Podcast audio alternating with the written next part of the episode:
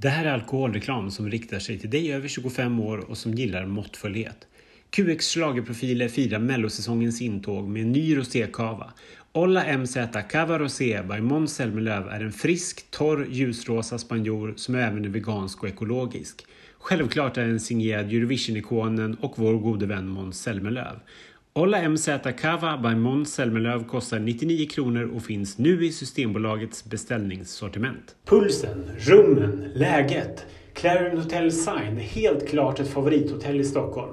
Hit kan man åka på en weekend med kärleken eller boka en konferens för företaget, unna sig en dag på spa, ta en drink i baren eller varför inte njuta av en härlig middag.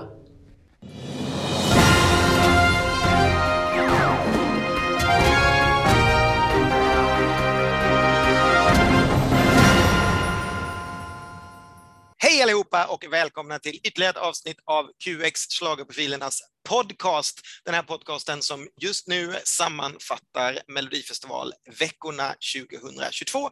Schlagerprofilerna är som vanligt Ken Olausson och Ronny Larsson. Ronny Larsson, vad eh, har vi lugnat ner oss efter helgen? Jag tycker att vi får ju ändå till rätt bra slag i studion när vi är glada. Vi, vi borde vara lite ofta, de blir lite mera informativa och, eh, och fylliga då kan jag säga, när vi eh, är på gott humör. Jo, men jag lugnar, jag lugnar ner mig. Jag tyckte att det var en väldigt kul lördag överhuvudtaget. Det senaste ni hörde av oss var ju när vi var glada och satt i Anders badrum och jublade över Medinas finalplats. Och Klara såklart. Sen så blev det efter efterfest, första efterfesten i år, där jag hade jätteroligt och pratade med massor med härliga människor och hängde med dig och Anders och Elaine och massor med andra. Så nej, men det var, det var kul. Nu har det ju mest handlat om att liksom samla, samla ihop all information inför finalen och Andra chansen, eh, hur låtarna går på listorna, har jag tittat ganska mycket på. Så att man, man är ju lite nervös, känner jag. ja, men lite nervös. Det var, det var rätt skönt att få den där festen i alla fall fjärde veckan och man minns hur mycket man vill ha de där festerna efter varje gång.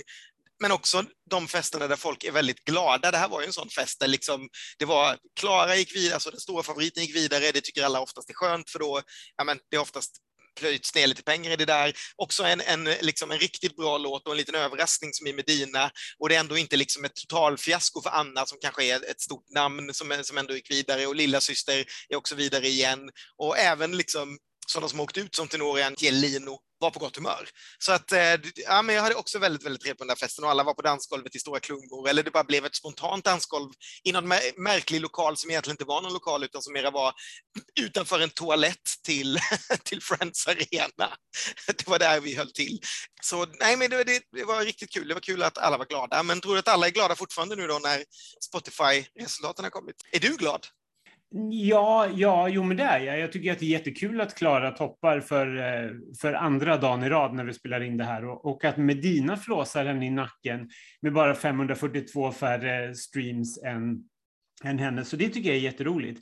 Jag är lite förvånad ändå tycker jag att Cornelia inte ligger högre. Jag trodde att hon skulle vara liksom gjuten på topp fem. Hon ligger där stadigt på plats sex. Mm. Um, för det här kän, det känns ju liksom som Spotify-publiken, att Anders ligger femma eller någonting, det vill säga, ja men det är ju väntat, även om han kommer vara en stor favorit när det väl blir final. Mm. Men, men Cornelia överraskar mig faktiskt. Sen är det klart att man, jag fattar ju att de här låtarna som spelas i helgen ligger färskare i minnet. Men jag trodde att Cornelia var en större favorit som skulle trängas in där i toppen. Ja, det är väl det att det, det är liksom en månad sedan folk hörde Cornelia och plus att det är en ballad eh, som ju alltid kanske inte är det man smäller på när man ska gå ut och gå eller gå till gymmet. Och som tiden är nu så kanske inte folk känner att just en liten en, en ballad är det man smäller på, utan man vill hellre liksom lyssna på glad eh, upptempo. Jag såg att till exempel nu, som du säger, andra dagen så var Liamo var väl en av de få låtar som gick uppåt efter efter första liksom, smällen igår.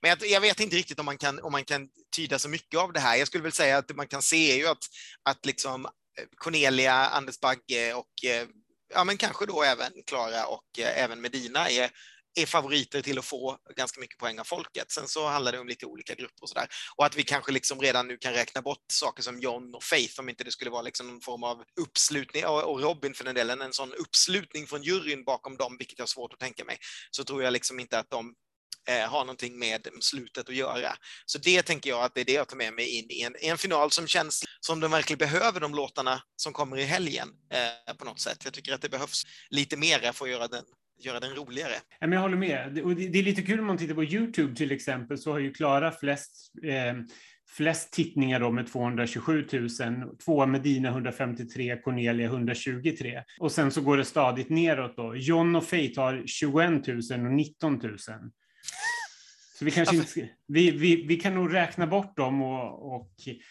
på, på väldigt många sätt känns det som. Ja, det är det jag sagt hela tiden, de borde inte vara i final. Framförallt inte Faith, förlåt, men, men det känns som att den låten halkade med där på något sätt, mm. vilket känns Eh, lite synd. John har jag väl viss förståelse för ändå som gammal vinnare och så vidare, att han, han hade nog ändå krånglat sig vidare via semifinalen. Men, men Faith tror jag faktiskt inte hade haft någon chans som helst om hon hade gått till semin mot de här låtarna som vi ska, som ska nu slåss på lördag, de här sista platserna. Nej, men jag håller med. Och tittar man på de låtarna som tävlar i semifinalen så är ju Teos och Tone stora favoriter på Youtube. Ganska kanske lite väntat. Eh, och de har ju såklart funnits ute längre än många andra, men båda har närmare en, en halv miljon tittningar var, vilket jag tycker är lite coolt. Det betyder ju att barnen tittar liksom. Mm. Vad kan vi med? Ska vi, ska vi lämna förra veckan då för att kasta oss in i det här? För nu känns det som att det här är bara en upptrappning mot finalen, så vi kanske inte behöver eh, grotta ner oss mer eftersom vi dessutom tyckte att resultatet var väldigt bra i, i lördags. Jag menar, den enda som egentligen försvann var väl Angelino och det känns som eh, tack och välkommen tillbaka en annan gång eh, just för honom, för han gjorde inte bort sig på något sätt. Och eh, jag menar, de andra två kanske vi inte hade räknat med skulle vara med ändå och slåss i i toppen. Jag kan tycka att det är synd att man missar en så pass bra låt. Angelino är en av mina favoriter i år, eh, även om det kanske inte är topp fem eller så, men det är, det är en av de låtar jag gillar mest. Men, men det är det. Ska vi kasta oss över den här nylottade semifinalen istället och titta vad vi kan komma fram till där då? Ja, först, först är det ju dödens grupp.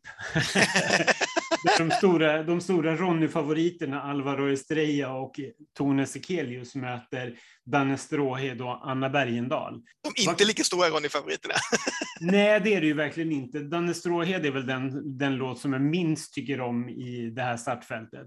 Och Anna Bergendahl, alltså jag, jag, kommer fortsätta hävda att det här är ett onödigt deltagande. Det fyller liksom ingen funktion. Låten är verkligen helt okej. Okay. Jag gillar Anna jättemycket, det är inte det. Det är bara, det är för snart och det är en låt som, som jag tycker faller, faller, blir så mycket blekare än hennes två tid, tidigare, där jag tycker att hon har trappat upp. Nu står det bara liksom still och det är till och med en liten tillbakagång. Men med det sagt så hon var ju nära att ta en finalplats liksom, så hon blir ju livsfarlig såklart och färsk i minnet och så. Nej, men precis, jag håller med dig helt. Ja, vi, vi är ju väldigt överens här. Eh, jag har inte så mycket att tillägga. Jag, jag har ju kommit att älska Tone. Eh, redan liksom under veckan när vi satt där så ökade det liksom stadigt och sen har det ju precis som för dig blivit en, en jättefavorit. För att jag lyssnar ganska mycket på låten, jag blev väldigt glad av den, men också för hela hbtq-grejen och för, nej men jag, jag är väldigt glad för den och vad gäller Alvaro så har vi ju gillat den hela tiden, eller jag också. Jag tycker den är härlig och den, den är någonting annat i finalen.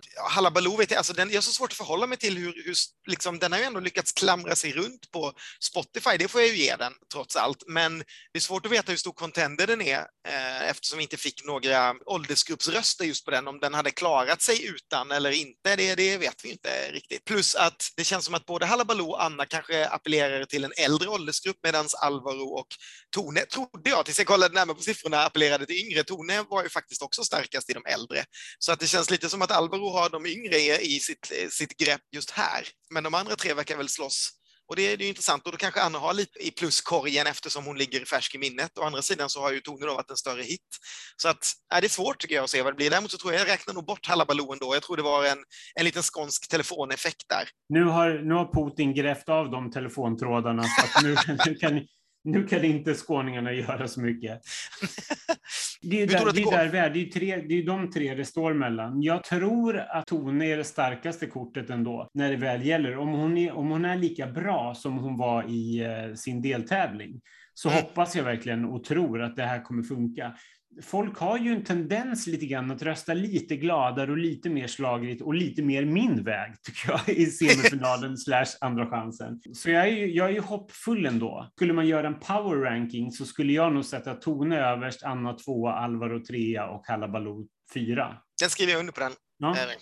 Den hade jag också gjort så. Och jag hoppas, hoppas, jag, jag, hur mycket jag än älskar Alvaro, det numret och låten och alltihopa, så, så ger jag upp allting för Tone, för jag tycker att det är viktigt numera att den är med. Vilket är kul, jag gav den två QX när vi var, var vi nu var, vi var, när vi var i Globen. Vi kommer komma inridande på en stor, stor rosa pudel i finalen.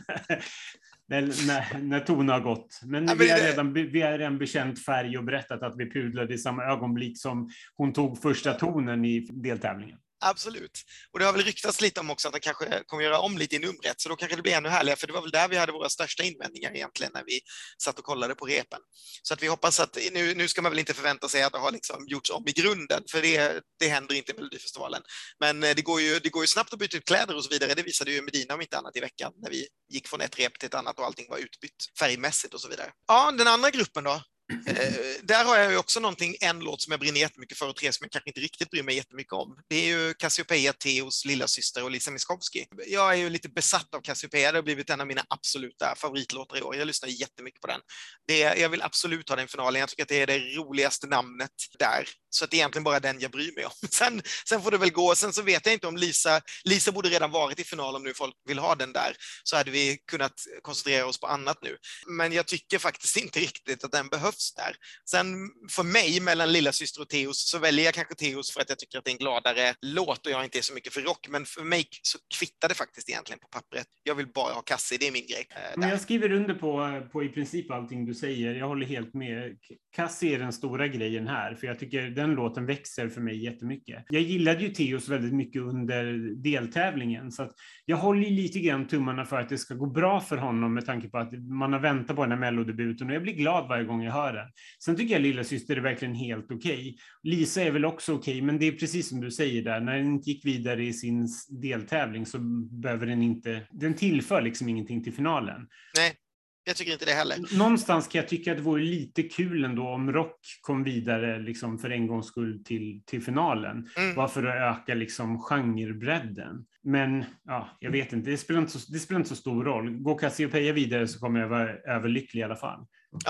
Jag är precis på samma. Och jag hoppas att hon har lite övertaget. Hon är ju typ veckans hitvarning, såg jag någonstans på någon av de större radiokanalerna. Dessutom så är det väl den av dem som ligger högst på Spotify. Nu är det en Ken-gissning igen, för nu har jag, tappade jag bort listan här. Men visst är hon nio eller någonting nu i skrivande stund. Ja, Så hon, lo- hon, låg väldigt, eh, hon låg väldigt bra till. Om vi, om vi tittar på de senaste siffrorna så låg eh, Cassiopeia faktiskt på trettonde plats och Teos ligger på en fjortonde plats. Men med det sagt så ska vi, har ju Teos funnits ute längre. Men de, de där två känns väl på pappret som de starkaste kandidaterna då om, om, man, om, om de inte ställs mot varandra. Och med det sagt så kanske vi ska klämma in en liten intervju med din favorit Cassiopeia. Åh, vad härligt. Ja, Hej! hej! Hur mår du? Jag mår bra, hur mår du? Ja, men jag mår bra. Jag hörde att du var och provade kläder. Ja, exakt. Är lite sista minuten eh, till inför lördag. Du, eh, lottningen blev ju klar idag och du hamnade mot Theos, Lisa och lilla syster. Hur känns det? Åh, det känns bra! Lisa och jag eh, fann ju varandra väldigt mycket på tredje deltävlingen och eh, eh, lilla syster såg jag i lördags hemifrån soffan. Jag tyckte de var grymma. Och Theos är ju grym också så att det blir ett ballt gäng. Kommer du ändra någonting i numret? Eh, Lite små grejer här och där, men inte mycket. Jag är väldigt nöjd med hur det blev och det vi har byggt upp. Mm. Just nu går ju låten väldigt bra på Spotify. Finns det en uppföljare också som du är redo att släppa framöver? Eh, ja, alltså ja. Jag skriver ju så himla mycket låtar hela tiden så att jag har några favoriter som jag skulle kunna tänka mig. Men jag har ju skrivit mycket nytt också senaste tiden och fokat lite mer på mig kanske än vad jag gör när jag skriver K-pop. Så att det finns några låtar som jag diggar som vi håller på att bolla lite med nu. Men eh, det är fokus på I can't get enough. Är det här ditt sound? Är det här typiskt? Är låten typisk för dig? Ja, alltså jag är ju poptjej, eh, 100 procent. Så att eh, allt det jag har släppt innan eh, har ju varit mycket pop. Alltså det är ju det som har varit den röda tråden, det är att det är pop. Men sen har jag testat på en del olika typer av produktioner och sådär. Eh, men jag känner väl att så allting, allting som det låter Mike It Get Enough känns 100% rätt och typ det soundet jag någonstans har sökt under mina år som artist.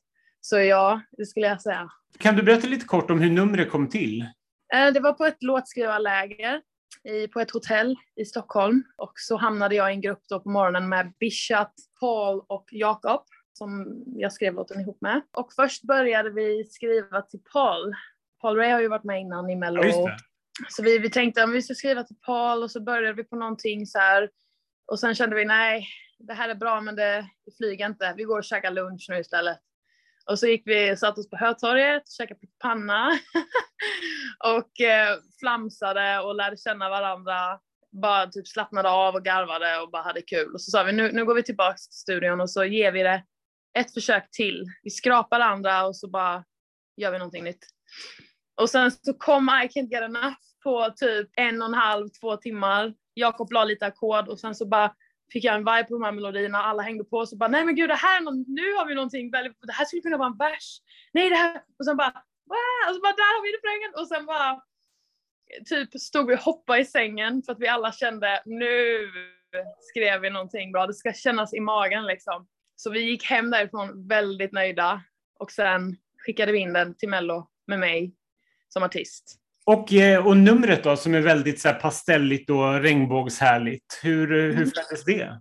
Det kändes som att det blev precis som jag hade tänkt mig från första mötet med SVT som var i höstas eller vintras. Jag fick lämna in mitt moodboard med idéer. Det kändes som att de tog mina idéer och omfamnade det och gjorde det så proffsigt med allting.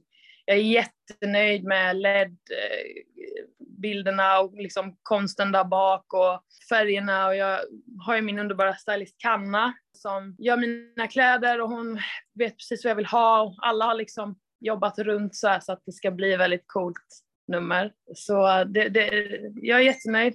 Har du någon annan favorit av de låtar som har tävlat i Mello i år?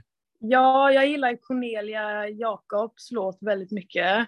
Mm. Det var också väldigt coolt eh, scenframträdande hon gjorde tyckte jag. Eh, alltså jag gillar Lilla Systers låt väldigt mycket.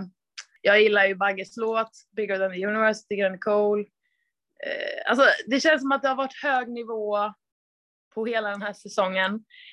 Jag kände liksom det i lördags när man stod och hade haft genrep ett par gånger och man hade fått höra allas låtar. Det var så här, det här kan bli tufft, alltså, det är så många bra så det är svårt att säga än. Jag tycker alla, alla har varit väldigt proffsiga och duktiga. Hur mår du på lördag 21.30? Den som lever får se. Lycka till! Tack så mycket. Det var Cassiopeia, som jag ju inte har hört. Men jag, jag hoppas att ni hade ett bra snack. Gud vad spännande. Det här gör att jag måste kasta mig in och lyssna på min egen podcast. Men vi hoppar väl, ska vi, ska vi lämna Mello en liten stund och komma tillbaka till det lite på slutet? Eller har vi något mer vi behöver stöta och blöta i den här eh, semifinalen? Nej, inte just nu. Det blev ju ganska bra uppdelning ändå, får man väl säga, tycker jag. Jag är väl hyfsat nöjd med, med det här på något sätt. Jag, det finns inte mycket som jag skulle vilja kasta om, för man vet ju inte hur de står mot varandra. Men jag tycker att det här nya greppet så här långt funkade. Sen tyckte jag att det var extra kul när de här uh, olika grupperna skulle lottas. Mm. Och de, de drog numren ur gamla drinkbollar. och som, eh, som någon konstaterade, de, när man filmar en sån här lottning så är det ju hela tiden, alltså när du gör Fifa och de här grejerna, så är det ju alltid väldigt viktigt att man ser liksom en statisk bild hela tiden så man ser att folk inte fumlar eller fuskar på något sätt. Men här så SVT var all over the place. De filmar Karins ansikte, de filmar Oskars ansikte. Han skulle kunna tagit de där lapparna någon annanstans ifrån och bara lagt upp dem. Nu, nu är jag 100 000 procent säker på att ingen orkar fuska med det här. Liksom. Varför skulle de göra det? Då hade de bara kunnat sätta ihop den själva och inte visa det här. Men det är så konstigt bara, SVT, när ni sänder någonting, att ni liksom inte ens kan Ah, ja, lite ja, taffligt som vanligt. En sista grej om det där bara. Jag är otroligt besviken att Oskar inte hade orkat måla naglarna. Att han kom till liksom den här dragningen där det är fokus på hans händer i nöttsvart nagellack. han har en chans att ta dem gulblå, hetsa upp Anette en liten stund till. Hej och hå! Nej, men ska, lämnar vi den här lilla eh, grejen en stund då, som vi kallar Melodifestivalen, och tittar lite på Eurovision ett tag och vad som hände där i helgen och har hänt. Så var det väl vi kan ju börja med Australien då. Det här var ju lite intressant, för här vann ju varken folkets favorit eller juryfavoriten, utan det blev ju tvåan i båda respektive grupper som fick åka istället då, till, mm. eh, till Turin. Sheldon Riley heter den här snubben som är, eh, som är 22 år, öppet gay, eh, med en australiensisk mamma och en filippinsk pappa. Mm. och som bor i Melbourne. Och hans låt heter ju Not the same och det är ju en väldigt stark ballad. Stark ballad behöver kanske inte betyda att det är en bra ballad. Viktigt att påpeka. Ja, men verkligen. Det känns som det. Det är, det är väldigt känslosamt när han, när han sjunger att han inte är som alla andra. Och det har väl att göra med både liksom hans Asperger-diagnos och att han är gay. Dessutom är ju det här numret ganska uppseendeväckande för att han har ju en mask för ansiktet. Eller mask och mask. Det är mer pärlor och strass som hänger för ansiktet. Som han sen tar av mot slutet av låten med darrande händer. Ja, nej, det där är inte min påse alls, men Eurovision-fansen gick ju såklart igång i 180. För det där, så fort det är konstigt och märkligt och gärna lite gay så funkar det liksom på, på den gänget. Jag, jag var ju mer eh, Voyager, den här gruppen, som jag tror var folkets etta, vad som kom tvåa. Ja, precis. Men, men, det är ju eh, det är intressant att han gjorde en Duncan Lawrence då, va? Han var väl också tvåa från både folket och eh, och juryn när han sprang och vann för eh, Nederländerna då 2019. Ja, intressant. Eh, det, det kan ju funka liksom, eh, tänker jag, med tanke mm. på att det är liksom stora känslor.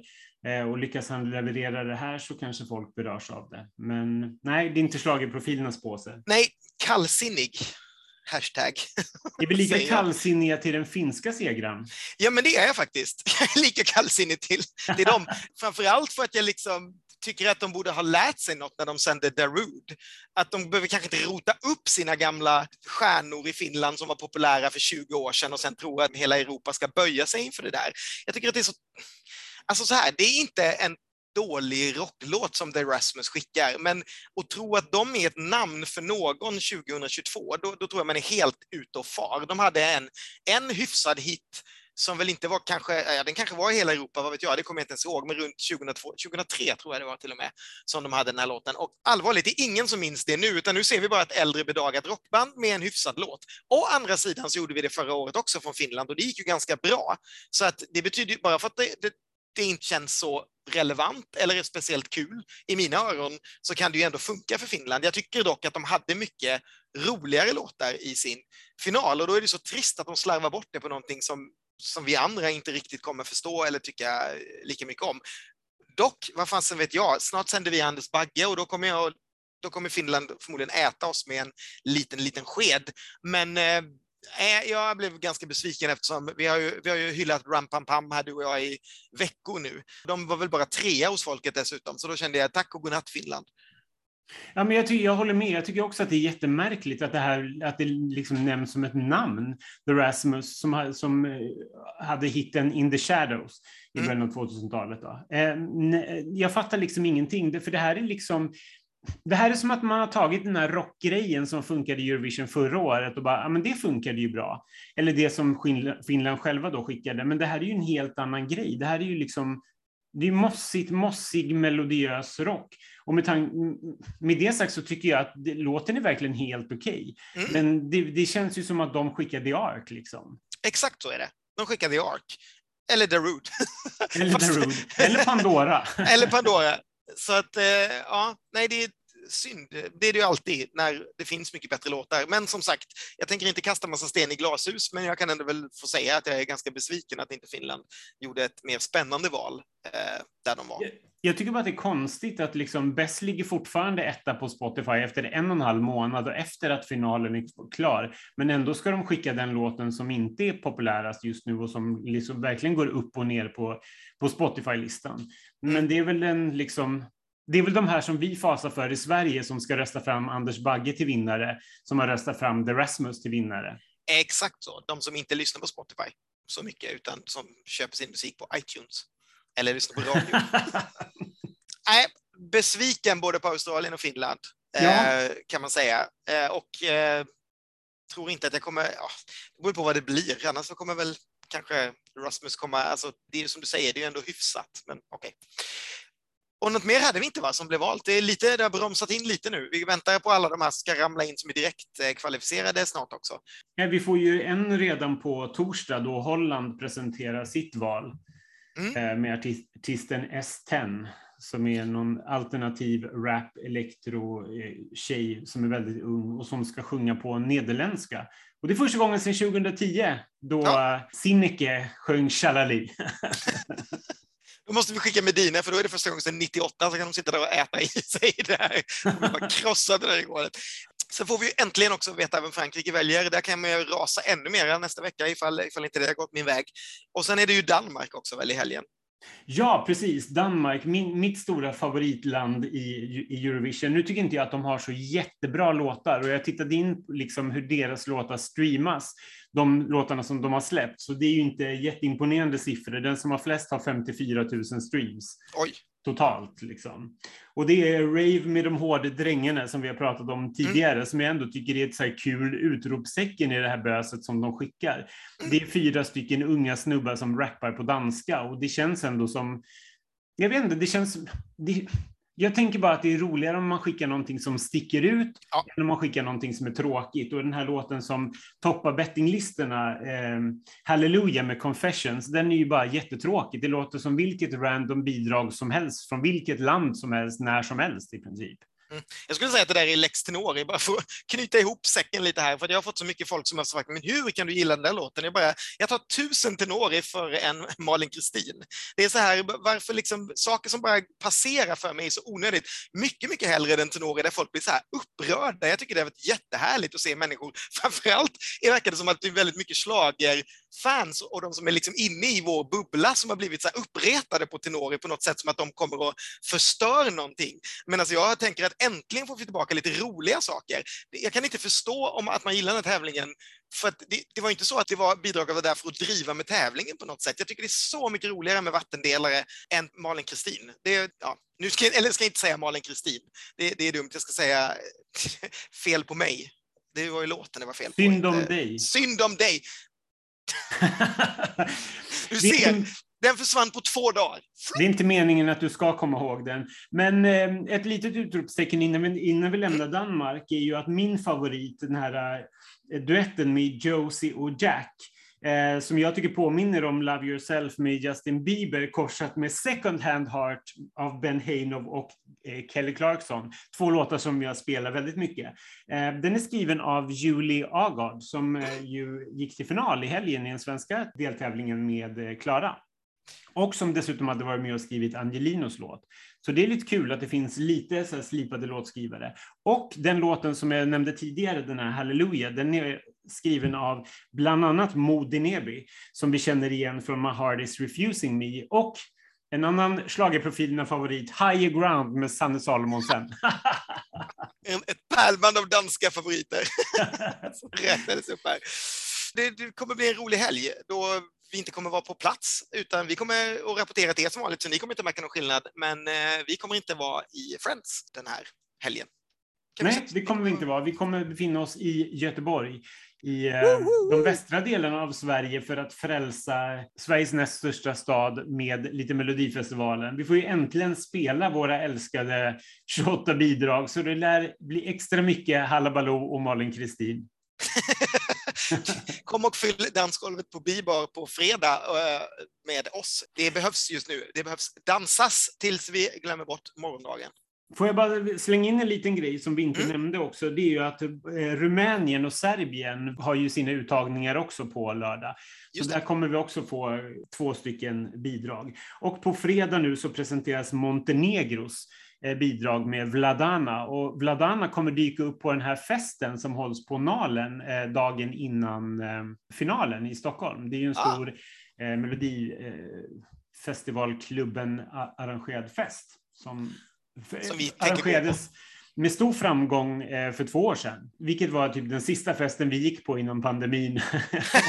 vi tog en bild med Daddy och sen var det över. Så att vem vet, det kanske blir samma sak i år. Vi tar en bild med Montenegros kvinna och sen blir det världskrig och så är det över. Liksom. Vad som händer. Vi vet väl inte så himla mycket. Eh, däremot så har vi väl har vi hört att de kanske kommer släppa upp restriktionerna i Italien, vilket ju verkar bra. Så att eh, det kommer bli, kanske kommer bli lite party i Italien i alla fall. De har ju fortfarande covid-restriktioner där, vilket känns som någonting jag helt har förträngt. Um, nej, men en, jag tänkte styra in oss på ett litet annat spår för att eh, nu har vi ganska, det, det händer en hel del eh, utanför för just den här veckan, så vi är ganska stressade både du och jag. Men den här veckan brukar vi också lägga upp vår topp 32 Eh, Mm. alltså där vi rankar alla låtarna från 1 till 32. Det ska vi väl försöka göra. Sen om det blir före eller efter den här podden kommer ut, det vet vi inte riktigt just nu, men den, den kommer åtminstone att hända den här veckan. Och då har jag lite gått tillbaka och tittat, för vi har ju gjort det här faktiskt varje år utom ett sedan 2013. Vi, har, vi gjorde inte det 2016, men annars har vi gjort det alla år. Och det, det som slog mig eh, först, det finns faktiskt en, en, en eh, hashtag i bloggen ni kan välja som jag tror heter rankning. Om ni vill se alla våra listor så får ni, kan ni se alla de inläggen eh, genom att välja den hashtaggen i bloggen. Men det som slog mig är hur den här gör vi ju alltid nu innan finalen och hur olika jag tänker just den här veckan och vad som jag tänker ja, men några år efter eller kanske bara några veckor efter eller när man liksom vet vem som har vunnit och så vidare. Det är rätt häftigt. Jag vet, eh, du kanske inte har tittat så mycket på det här. Jag vet inte om du kommer ihåg vad du hade i toppen 2013, eller det gör du kanske? Ja, men det, det gör jag i alla fall. Jag, jag, tror faktiskt att jag, att jag skulle kunna gissa mig till, till allting. Jag vet inte om du har alla listor Jo, jag har allt här. Ja. Du kan se. Jag Ja, men då gissar jag på 2013 så var det Swedish Housewives. Mm. On top of the world. Och 2014 så tror jag att det var Josef Johansson med Hela natten. Jajamän, stämmer alldeles 20, utmärkt. 2015 borde mest logiskt ha varit Jon Henrik. Jajamän, du är rätt 20, bra. 2016 däremot. Men den har vi inte. Den har vi Nej, inte, den det. inte. Och det Mm. kan, jag, det kan jag tillägga, det berodde på en sjuk hund som jag, som jag då hade, som gjorde att det, det tog för Du är mycket kaos. Ifall ni undrar. 2017, vad kan det varit? Det var ju inte Dinona som var en favorit på pappret innan. Var det Ace Wilder? Jajamän, och Ja, din men närmare gud. tvåa. Du är ju helt vansinnig på det. Och 20, 2018 gissar jag att det var Jessica. Jajamän. 2019, jag kommer knappt ihåg det här jäkla året. John? Nej, han var fyra. Anna. Bergen, Anna Bergendahl? Anna Bergendahl var Ja. din etta med Ashes to Ashes 2019. Men då måste det ha varit Anna Bergendahl 2020 också. Jajamän. Så Ja. eh, du är ju, det kan du ju nu när vi precis har suttit och dissat Anna lite och sagt att vi inte riktigt bryr oss om att gå till final i år. Du har ju haft henne som etta eh, två år i rad. Och så förra året då. förra, förra året, jag kommer liksom inte ens ihåg, jag måste bara tänka efter hur, hur melloomslaget, ja men det var det där ja. Eh, det Klara, Nej, hon var tvåa. Väldigt spännande för alla som sitter och lyssnar på den här podden. ja verkligen. Ja, gud det stod helt stilla, det var inte The Mamas och det var inte Erik. Charlotte? Nej. Nej. Jag Charlotte hade du det- på det- tredje plats. Ja, precis. Det är jättekonstigt. Men säg. Jessica Andersson, Horizon. Dum jag är. Det är typ den bästa låten på tio år i Melodifestivalen. Jag tror att jag är så traumatiserad över att jag bara, aha, var den med? För mig är det bara en låt numera. Du vägrar att inse det, det resultatet. Jag har så mycket konstiga låtar tycker jag på de här som eh, har varit etta. Det är allting från liksom Martin, Rull- Martin Rulinskys In and Out of Love. Eh, Undo är väl inte så jättekonstigt. Don't Stop Believing är väl inte så jättekonstigt heller. Statements var jag ju väldigt förtjust i just efter den åkte ut. Daughters Cry. Too Late for Love faktiskt. Robin Bengtssons Take a Chance och Erik Sade hade jag förra året. Eh, med Ja. Every Minute. Så mm, ja, men och går ni in och tittar kan ni också se vilka vi har utnämnt till den sämsta låten varje år, där vi har varit eh, lite mer överens. Har du några det- exempel? Jag har några, exe- ja, jag har några exempel där vi har varit eh, överens, till exempel Raviaks En riktig jävla slager och Elinor Holmérs En himmelsk sång, som väl var några Ville där favorit. Men, men vi var också helt överens om en låt som hette Där och då med dig, med Emily Irevalt, som jag inte ens kommer ihåg. Omöjligt att komma ihåg från 2015. Sen så 2017 så hade du Alia One och jag hade Charlotte Perrelli. Ja, Jag, kan, jag skulle ju aldrig kunna sätta Charlotte sist, även om jag tycker att mitt liv är en riktig böslåt. Och 2018 så valde jag Emmy Kristenssons Icarus. Det var på tiden jag inte gillade operalåtar i den här tävlingen, kan man säga. Jag tror också att det var, det var samma år som min sambo tittade på din lista och skrek han är helt orimlig. Du hade dock valt Stig och Per Larsens Titta vi flyger. Ja, och det tycker jag fortfarande är en riktig dynglåt. Mm. 2019 var vi överens eh, igen om vad som var det sämsta. Anton Hagmans Känner dig. Kommer du ihåg vilken Ja. fruktansvärt dålig låt det var? Ja, det fanns bara någonting, en sak som var förmildrande med det där och det var att han tog av sig på överkroppen under rep, repetitionerna. annars, annars tycker jag att det där är skämmes. Och sen 2020, två låtar till som jag bara helt förträngt. Ovös, Inga problem och Amanda Asas Late. Inte med en pistol mot huvudet skulle jag kunna sjunga någon av dem. Jag ser dem inte ens framför mig, det är helt Jag, jag ser båda två framför mig, för hon var typ neongult klädd, tror jag. Och, eller OVA var ju en duo med två snubbar eh, som hade orangea kläder på sig. Ditt färgminne är det absolut inget fel på i alla fall. Nej, det, är- det jag hänger upp mig på. Och sen förra året var vi helt överens igen. samma låt. Ja, vad var det? Ja, jag kommer inte kunna gissa, jag har ingen aning. Jag kommer knappt ihåg vad jag åt till frukost i morse. Det, det var Mustasch med Contagious. Och nu när vi, när vi sitter och pratar om det här så vet vi faktiskt inte om vi kommer vara överens i år. Eh, det skulle vi kanske kunna vara, men jag är alltid lika spänd på att läsa din lista som jag är på att läsa min egen, eller på att säga. Jag kan säga att jag har redan gjort min lista. Det var inte jättesvårt och jag gjorde den kort efter att du dök upp i, i vad heter det, den här högerspalten i Spotify, där, där jag såg att någon lyssnade på Tone Sekelius på, på spellistan Mello 2022 Ranked. Och då kände jag, jaha, här blir nu är det dags att sätta fart. Man skulle kunna säga att om du hade klickat på den så hade du, för den är nog inte dold, så hade du bara kunnat gå in och sett alla mina redan nu. Men jag flyttar runt dem lite där och så har jag försökt lyssna på dem i rätt ordning bara för att veta liksom om jag tycker bättre om Samira Manners än Lisa Miskovsky. Det är liksom sådana saker man måste ta ställning till just den här veckan. Ja, men det, det, var inte jättesvårt tycker jag ändå. Sen blir det lite svårt när man, när man väl sitter och tittar på listan och tycker att ja, men, ska den här verkligen vara på en nionde plats och ska den här vara tre och är den här bäst? Det tycker jag var svårare. Jag kanske, det, jag kanske inte tycker att någonting är fantastiskt som jag tyckte förra året med Jessica Anderssons låt, utan jag tycker att det är väldigt många bra låtar som, är fyra, som, är, som får fyra i betyg. Liksom. Mm, ja, men så är det. Jag har inte satt en enda femma i år heller. Och, Då skulle jag säga, jag tror att jag satte en en, fe, en femma tror jag satt och det var väl på Alvaro, men det var, hade ju mycket med numret att göra också. Att det var liksom en jättebra låt som jag tycker blev perfektion med, med numret. Så det var, var väl det med som jag plussade. Men det var väl där någonstans jag landade och sen var det väl ganska lätt att så här, hitta en, en botten i alla fall. Mm. Det ska bli härligt att liksom få göra om sina plus nu tycker jag, för så är det ju. Det är ju en väg fram till finalen och man, man jämför ju också alltid, även om man kanske inte ska det egentligen, så är det ju ändå så att man sitter där samma vecka och tänker att den här är ju sämst och den här är ju bäst och då vill jag särskilja dem på något sätt och så blir det lite så med QXen. Och nu kommer de i ett annat sammanhang här, de här åtta, eh, där jag också vet vilka jag tycker är bäst och så vidare. Det kommer väl inte bli några femmor nu heller, men till finalen har jag nog sparat på mig en femma i alla fall, eh, som jag tänkte kasta iväg. Men eh, mm. själv det är då. Själv sitter jag och färgordnar de tolv bidragen till finalen. på olika post-its som placerar ut på, på en garderob hemma och fotograf. Men vad händer den här veckan då? Det som händer är ju att vi kommer få se repen live sändas på min TV här i Göteborg under torsdagen enligt ett speciellt repschema och eh, kommer förmodligen att skriva efter det. Eh, möjligtvis så kanske du kommer skriva lite mera eh, då eftersom du är här och hälsar på och jag kanske behöver göra andra små saker och det kanske kan vara fräscht att få någon annans röst för en gångs skull på torsdagarna. Eh, och sen blir det väl en studio efter det, eh, möjligen om det är någonting som har hänt under dagen och vad som har varit. På fredagen händer det inte speciellt mycket förrän på kvällen när vi kommer lägga upp på qx.se våra betyg och våra gissningar och sen kommer en slagestudio och då kan vi väl berätta redan nu att det repet kommer att börja klockan sju och sluta 20.30 så att det, förhoppningsvis kommer det lite tidigare. Så ni hinner titta på det och läsa det och ta ett glas och sen springa till oss på Bibar. Eh, där vi vill gå på runt 11 skulle jag misstänka, brukar det väl vara som de knuffar undan matgästerna och startar dansgolv på Bibar. Och sen på lördagen så är, känns det som att man, vi är lediga, på säga. Då ska vi, titta på TV och göra en liten studie efteråt och skriva text såklart, men eh, eh ja, vi kommer inte ha så bråttom iväg för första gången på 100 år, på 16 år typ.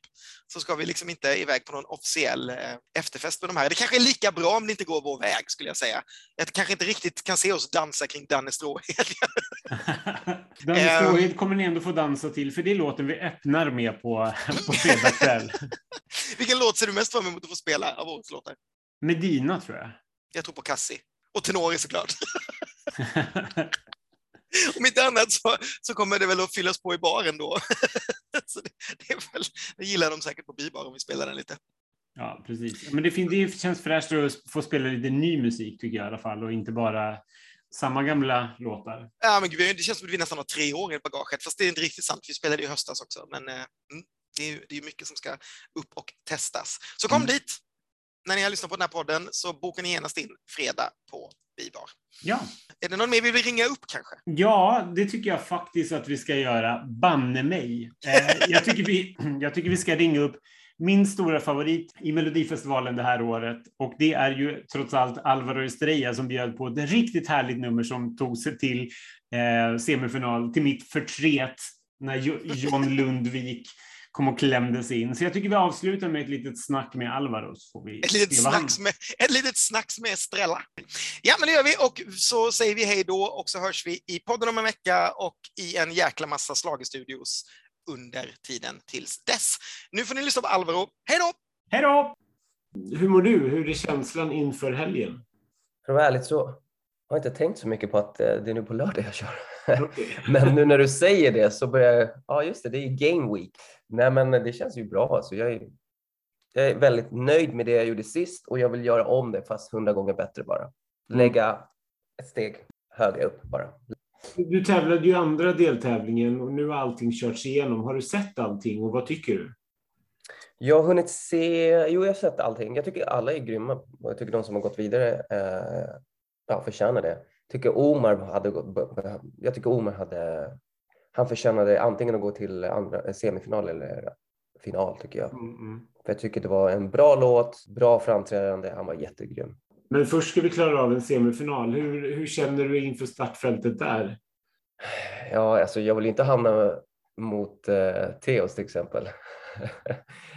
Eller Cassiopeia. Eller heller inte de här, vad heter de, Halle Alla är farliga uh, och man ska inte underskatta någon. Du, du, har ju ändå ett bra, rätt bra track record från andra chansen eller semifinal som det heter nu med tanke på att du har gått vidare därifrån de senaste gångerna du har varit med. Ja, men man vet ju aldrig. Man, det är det, man vet ju aldrig med just det här med den här tävlingen. Vad som helst kan hända. Är du besviken att du inte gick direkt? Alltså, det var första känslan som jag kände bara fan alltså. Men sen kände jag nej, av de som har gått vidare så är det, jag ska fan vara tacksam verkligen. För det är jävligt många som har inte gått vidare som jag tyckte borde ha gått vidare. Och så står jag här och ska få chansen att få göra det här igen. Mm. Så det gick bort väldigt snabbt så jag tänkte bara, fan nej. Det här är chansen för att visa igen. Låten släpps. Det kommer få en boost igen. Eh, och så får jag chansen att ha roligt igen på scen med mina polare. Kommer du ändra någonting? Nej, ingenting. Förutom kanske lite små grejer som jag tänker på, men inte ni. Det är små saker, små minimala grejer som jag tänker på som jag kanske vill ändra för mig. Det händer ju ganska mycket i numret. Har du något favoritögonblick under de här tre minuterna? Det är nog, jag har två ställen tror jag. Mm. Det är när jag och grabbarna går, den här lilla catwalken. Mm. Där, där känner jag, jag kollar på Edo, jag kollar på Marco. Jag hinner se en liten glimt på Lamin och Kenny. Men det känns som vi, vi alla bara, fan vad nice. Och där har man tid också för att kunna se ut lite och bara känna viben. Annars är man så inne i sin bubbla och du vet, kameror. Och när vi kommer fram till pucken, där eh, bara släpper vi allting för att där blir det en liten känsla där det är så här, är så här klimax. Där mm. kan vi, hör, jag hör grabbarna skrika och bara hej, det har roligt. Och det hör jag och det tycker jag är så jävla nice. Hur, hur känns det att ge sig in i Melodifestivalen igen? Har du gått ur bubblan och så ska du in nu igen liksom, eller?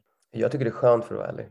Jag har hunnit göra andra grejer, jag har hunnit repa, jag har haft föreställning med Saturday Night Fever, träffat dem. Nej, men det, jag tycker det är skönt att gå ur bubblan, ladda om, ta ett djupt andetag och in igen. Nej, men jag är verkligen på riktigt taggad att köra igen. Mm. Vem vinner Melodifestivalen 2022? Alltså om jag ska tänka rent egoistiskt då är det jag. men om man tänker realistiskt eh, så tror jag det är svårt. Men eh, det är många. Jag tror Cornelia är där, Anders Bagge är där.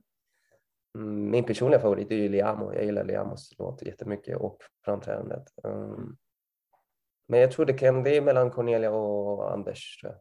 Sen måste jag bara avsluta med att fråga, blir det ett fjärde år för Alvaro Estrella? Jag vet inte, vet du, jag tror jag vill låta svenska folket andas lite, inte ha mig i deras feja hela tiden. Där. Eh, nej, men jag tror, man vet ju aldrig. Jag ska inte säga nej, men jag tror jag skulle vilja verkligen ta det lite lugnt och eh, vad säger man, kapitalisera det här momentumet där jag har jobbat nu de här två eller tre åren eller vad det är.